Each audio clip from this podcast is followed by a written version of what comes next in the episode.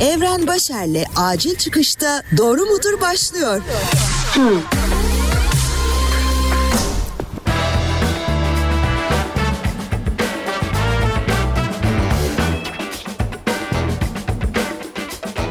Selam sevgili dinleyen ben Evren Başar. Acil Çıkış Podcast'in muhabbetli, yalan yanlış, tamamen popadan uydurma bilgilerden yola çıkarak doğruyu bulmaya çalışan programı Doğru muyu dinliyorsun? Bakalım bu sefer kaç doğruya ulaşacağım. Acil çıkış.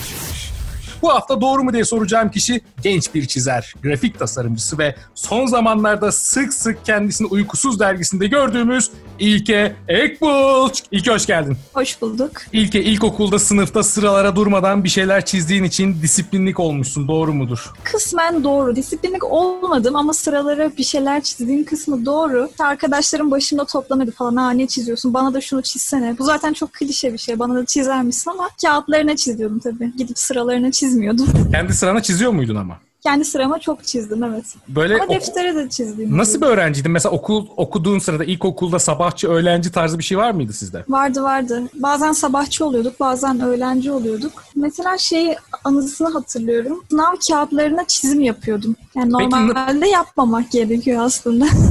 Nasıl tepkiler alıyorsun? şey demişti bana "E, güzel çiziyorsun falan ama istersen sınav kağıdına çizme çünkü sorun olabilir ileride işte yasak aslında böyle bir şey. Ya ilkokuldayız hani öyle büyük bir tepki göstermiyor ama şunu hatırlıyorum sabahçıyken e, sıraya bir karikatür yapmışım. Karikatür tabii denmez o zaman. Başka bir çizim yapmışım. Öğlenci olan arkadaş artık kim bilmiyorum. Gelip onun devamını çizmiş ya da oraya bir yazı yazmış falan. Sonra sab ertesi sabah ben tekrar devam ettiriyorum o çizimi. Başka bir şey yazıyorum. Böyle hiç e, görüşmediğim bir arkadaşla iletişim kurmuş olduk. Peki lisede devam etti mi böyle bir şeyler kağıda çizmeye? Yani mesela Tabii. bazı sınavların kötü geçer. Hoca artık bir şeyden puan versin diye böyle bir soruya bir şey çizdiğin oldu mu? tabii ki. Tabii ki de onu yapmadım. Çünkü lisedeyken biraz daha disiplin devreye girdiği için herhalde problem olurdu. Ama genel olarak lisedeki herkes yani tüm arkadaşlarım çizim yapan birisi olduğumu biliyorlardı. Hatta sınıfta tek güzel sınavlara hazırlanan bendim. Şöyle bir şey var mı? Ailen çizme, çizim işleriyle hiç uğraşmanı istememiş. İsyan etmişsin, ortalığı yıkmışsın, inatla yarışmalara katılmışsın, evin duvarlarına çizimler yapmışsın. Var mı böyle bir şey? Doğru mu? Bu doğru değil kesin. Aa filan diye. Nasıl ya filan? Ee, Ailem her zaman destekledi bu durumu. Hiç karşı tepki vermediler. Ama duvarlara çizme gibi bir huyum yoktu aslında. Duvarlara çizme işini çocukken yapmasam da 13-14 yaşlarındayken yaptım. Gerçi o zaman da çocuk sayılırsın ama hani 5-6 yaşlarında yapmak daha normaldir ya. Ben bunu 13-14 yaşına aksattım. Çünkü o en böyle hardcore ergen olduğun zamanlar, öyle heavy metal zamanların ya duvarlara bayağı şey çiziyordum. Ne Metallica çiziyordun? logosu yapıyordum. Iron Maiden logosu yapıyordum. Bu konuda bir tepki Böyle aldın mı? paraşütle atlayan birini yapıyordum. Yani ailem şey diyordu hani yapmasan daha iyi ama ne yapalım artık falan diye Çünkü bu geçtiler. zamanlarda karşılaşıyorum sosyal medyada da işte çocuk uzmanları işte ergenlikle ilgilenen uzmanlar filan çocuklarınız duvara bir bir şeyler çizdiğinde onların yaratıcılıklarını ne bileyim etkilemeyin, kızmayın filan tarzı diyenler var böyle hani ama o zamanlarda ailede öyle bir şey var mı diye merak ettim. Yani yaratıcılığımı, yaratıcılığımı etkileyecek bir şey yapmadılar. Bir tepki vermediler genel olarak. İlke, ilk erkek arkadaşına çizdiğin bir portresini vermişsin. Bu ne lan böyle diyerek seni terk etmiş doğru mu? Doğru değil aslında. bir düşündün, bir düşündün niye öyle oldu şimdi? Şöyle o zamanlar işte küçükken, e, küçükken denmez de yıllar önce çıktığım herkese aslında çizmişliğim var. Hani çocukken erkek arkadaşlarım falan çizmişliğim var ama kimse kötü bir tepki vermedi. Sadece şöyle bir şey olmuştu. Üniversite birinci sınıftaydım. Yine o zamanki bir erkek arkadaşımın çizgi romanına ödünç almıştım. Onun arka sayfasına o çizgi roman karakterini çizmiştim. Ama böyle kendi tarzımda çizmiştim. Sevinir diye düşündüm geri verdiğinde ve şöyle bir mesaj geldi. Kitabımı mahvetmişsin. O anda mı ayrıldın yoksa biraz bekleyebildin mi? Kısa bir süre sonra ayrıldım ben de. Peki, Kocaeli'ye bayılıyormuşsun. İlke. Orada okuduğun için çok mutluymuşsun. Bir daha olsa yine okur, yine orada yaşarmışsın. I love you İzmit diye sokaklarda koşmuşluğun varmış. Doğru mu bu? Kesinlikle yanlış. Bu arada bir İzmit Kocaeli doğumlu olduğumu da söylemem. Gerçekten mi? evet. Vay be aynı şeylerde yürümüşüz. Aynı yollarda yürümüşüz. Sen ne zaman üniversite Demek ki okudun orada? 2013-2017 arası. 2013. 2013'te ben İstanbul'da radyoda çalışıyordum tabii. Ha, tabii farklı dönemler ama o Evet, yürüyüş yolunu, yürüyüş İzmit'teki yürüyüş yolunu yürümüşüz sonuçta. Evet. Bu soruyu neden sordum? Çünkü şöyle manyaklarla tanıştım ben. Kocaeli Üniversitesi'nde okuyup Kocaeli harika, keşke Kocaeli dönemim devam etsin diyen birçok insanla tanıştım. Ben 18 yaşında Kocaeli'den koşarak kaçmış biri olarak bunu sana soruyorum. Ve sen de doğrulamadın zaten söylediğimi. Kocaeli'ye Evet. dair hatırladığın iyi şeyler var mı? Evet evet iyi şeyler var aslında ya. Seka Park güzeldi mesela yeşillikler içinde. Bayağı uzun uzun uçsuz bucaksız yeşillik görebileceğim tarz bir yerde. En azından hani Türkiye'de çok mümkün olmuyor ya böyle yerler görmek. Bu benim için iyi bir şeydi. Ondan sonra öğrenci şehri olmaya başlaması iyi bir şeydi benim için. Örneğin sabah üçünde acıkıp Tanturici'ye gidebiliyordum. Yani İstanbul'da bu tabii ki de her yerde yapılabilir bir şey ama Kocaeli'ye ilk adım attığımda böyle bir avantaj beklemiyordum mesela. Bunlar benim için iyi şeyler oldu. Onun dışında hani benim geçirdiğim öğrencilik hayatı dışında sadece Kocaeli'ye yönelik konuşursam çok mutlu olduğumu söyleyemem o dönemler. Peki Work and Travel'la Amerika'ya gittiğinde hiç mutlu olmamışsın. Ülke hasretiyle yanmışsın. Beni köyümün yağmurlarında yıkasınlar demişsin. Ah kahrolsun bu Amerika demişsin. Pis emperyalist, emperyalist ülke demişsin. Doğru mudur bu? Çok yanlış. Çok mutluydum ya orada geçirdiğim zamanda. Neredeydin Amerika'da? Wisconsin'da çalıştım ve kaldım. Ne yapıyordun? Ne, ne işte çalışıyordun? Housekeeping. Süper. Ee, Para çöp topluyordum. Para evet çöpleri topluyordum, yatakları temizliyordum. İşte yeni müşteriler otele gelecekti. Onlar için oda hazırlığı yapıyordum. E, fiziksel anlamda çok yorucu bir işti ama çok eğlendim. Tabii iş sırasında eğlenmiyordum ama genel olarak o Amerika kültürünü çocukluktan beri filmlerden bize empoze edilen o Amerika kültürünü gerçekte görebilme şansına sahip olduğum için çok mutluydum. Ama Ka- dediğin gibi memleket hasreti çeken Türk arkadaşlarım çok oldu. İşte burada yaşanmaz, buranın kültürüne adapte olamıyorum diyenler çok oldu. Ben bir sorun yaşamadım orada. Bayağı eğlenceliydi. Peki nasıl yedin kazandığın parayı? Gezerek, travel şeklinde yedim.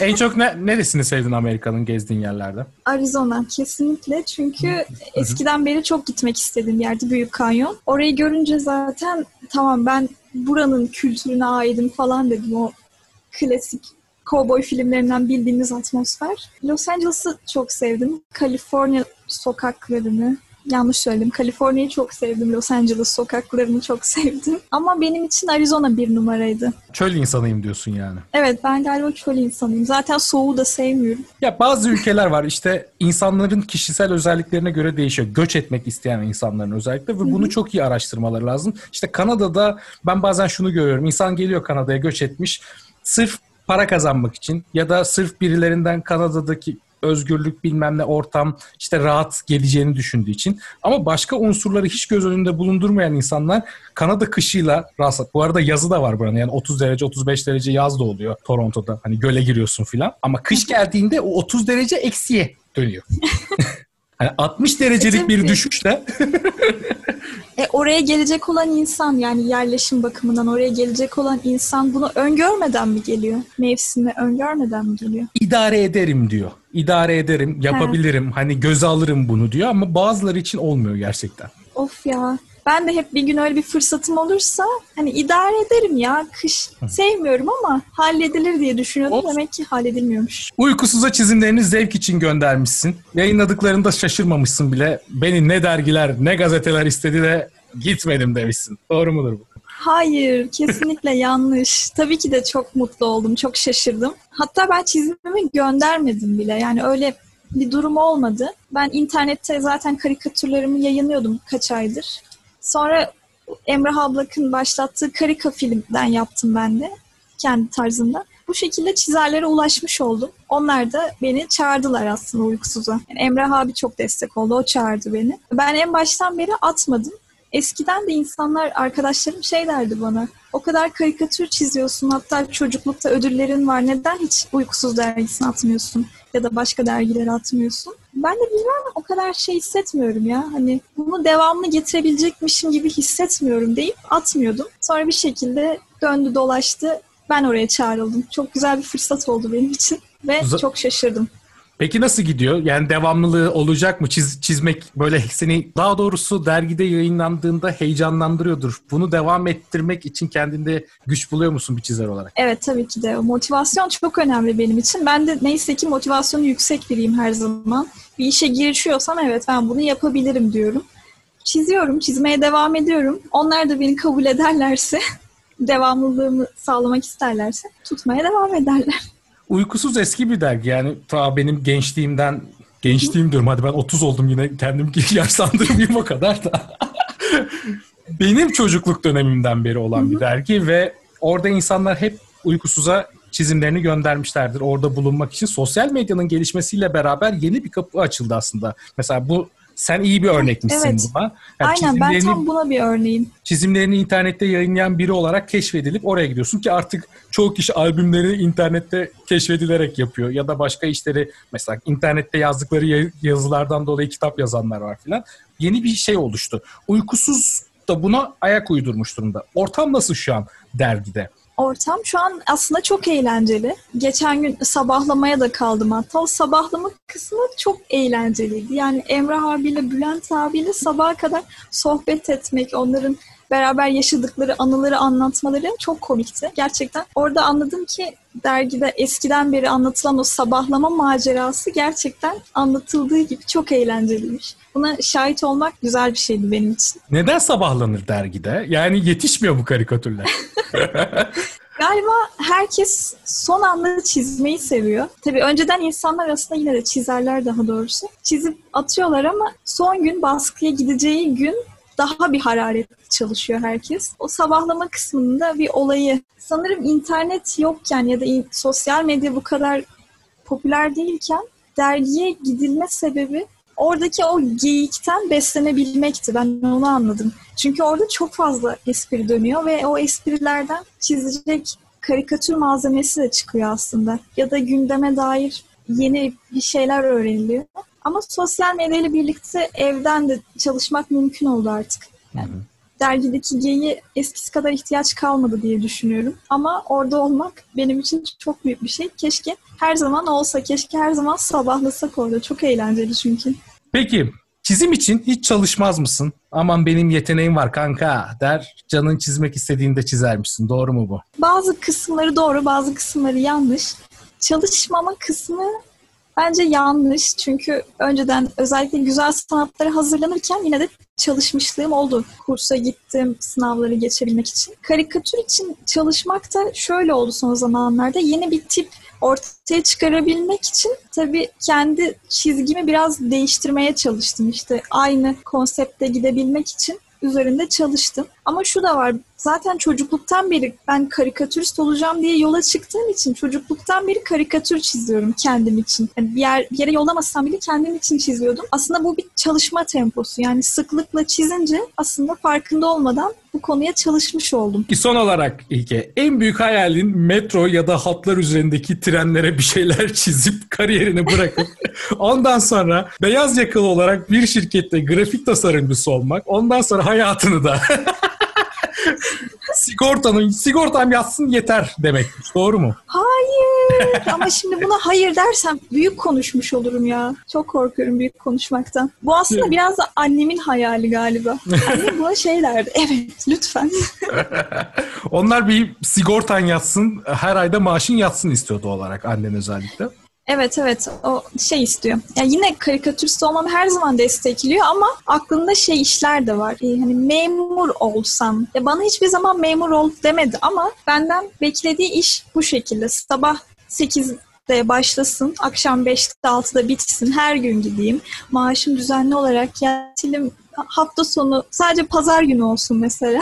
Cumartesi de çalışayım. Böyle bir beklentisi olduğunu biliyorum ama kesinlikle benim hayalim bu değil. Çünkü bu biraz yaratıcılığımı kısıtlıyor. Ben onu fark ettim. Daha önce küçük bir süre çalışmıştım bu tarz bir işte. Çok yorgun geliyordum işe. Hem fiziksel anlamda yoruluyordum hem kafam çok yoruluyordu. Yaratıcı bir şeyler ortaya koyamıyordum. Sonra diyorum ki ben Bende bir potansiyel var ve ben bunu harcıyorum şu an bu şekilde. O yüzden pandemi biraz vesile oldu aslında kendi içimdeki potansiyeli açığa çıkarmakta. Bu da böyle bir süreçti. Peki İlke'nin para kazanma hayali ne? Sonuçta bir gerçek. Para kazanmak zorundayız. Yani evet. bundan kurtuluş yok. Peki sen nasıl kazanacaksın? Yani anne ben bu işten şöyle para kazanıyorum diyeceğin şeyler ne? Şu an aslında var. Şu an e, illüstratörlük yapıyorum freelance bir şekilde. Sadece e, bir plazaya sabah 8'de gidip akşam 5'te oradan dönmüyorum. Şu da var işin içinde. Mesela eskiden işte sabah 8 akşam 5 arası çalışırdım diyelim ki. Belirli saatlerde eve dönerdim. Şimdi evden çalışınca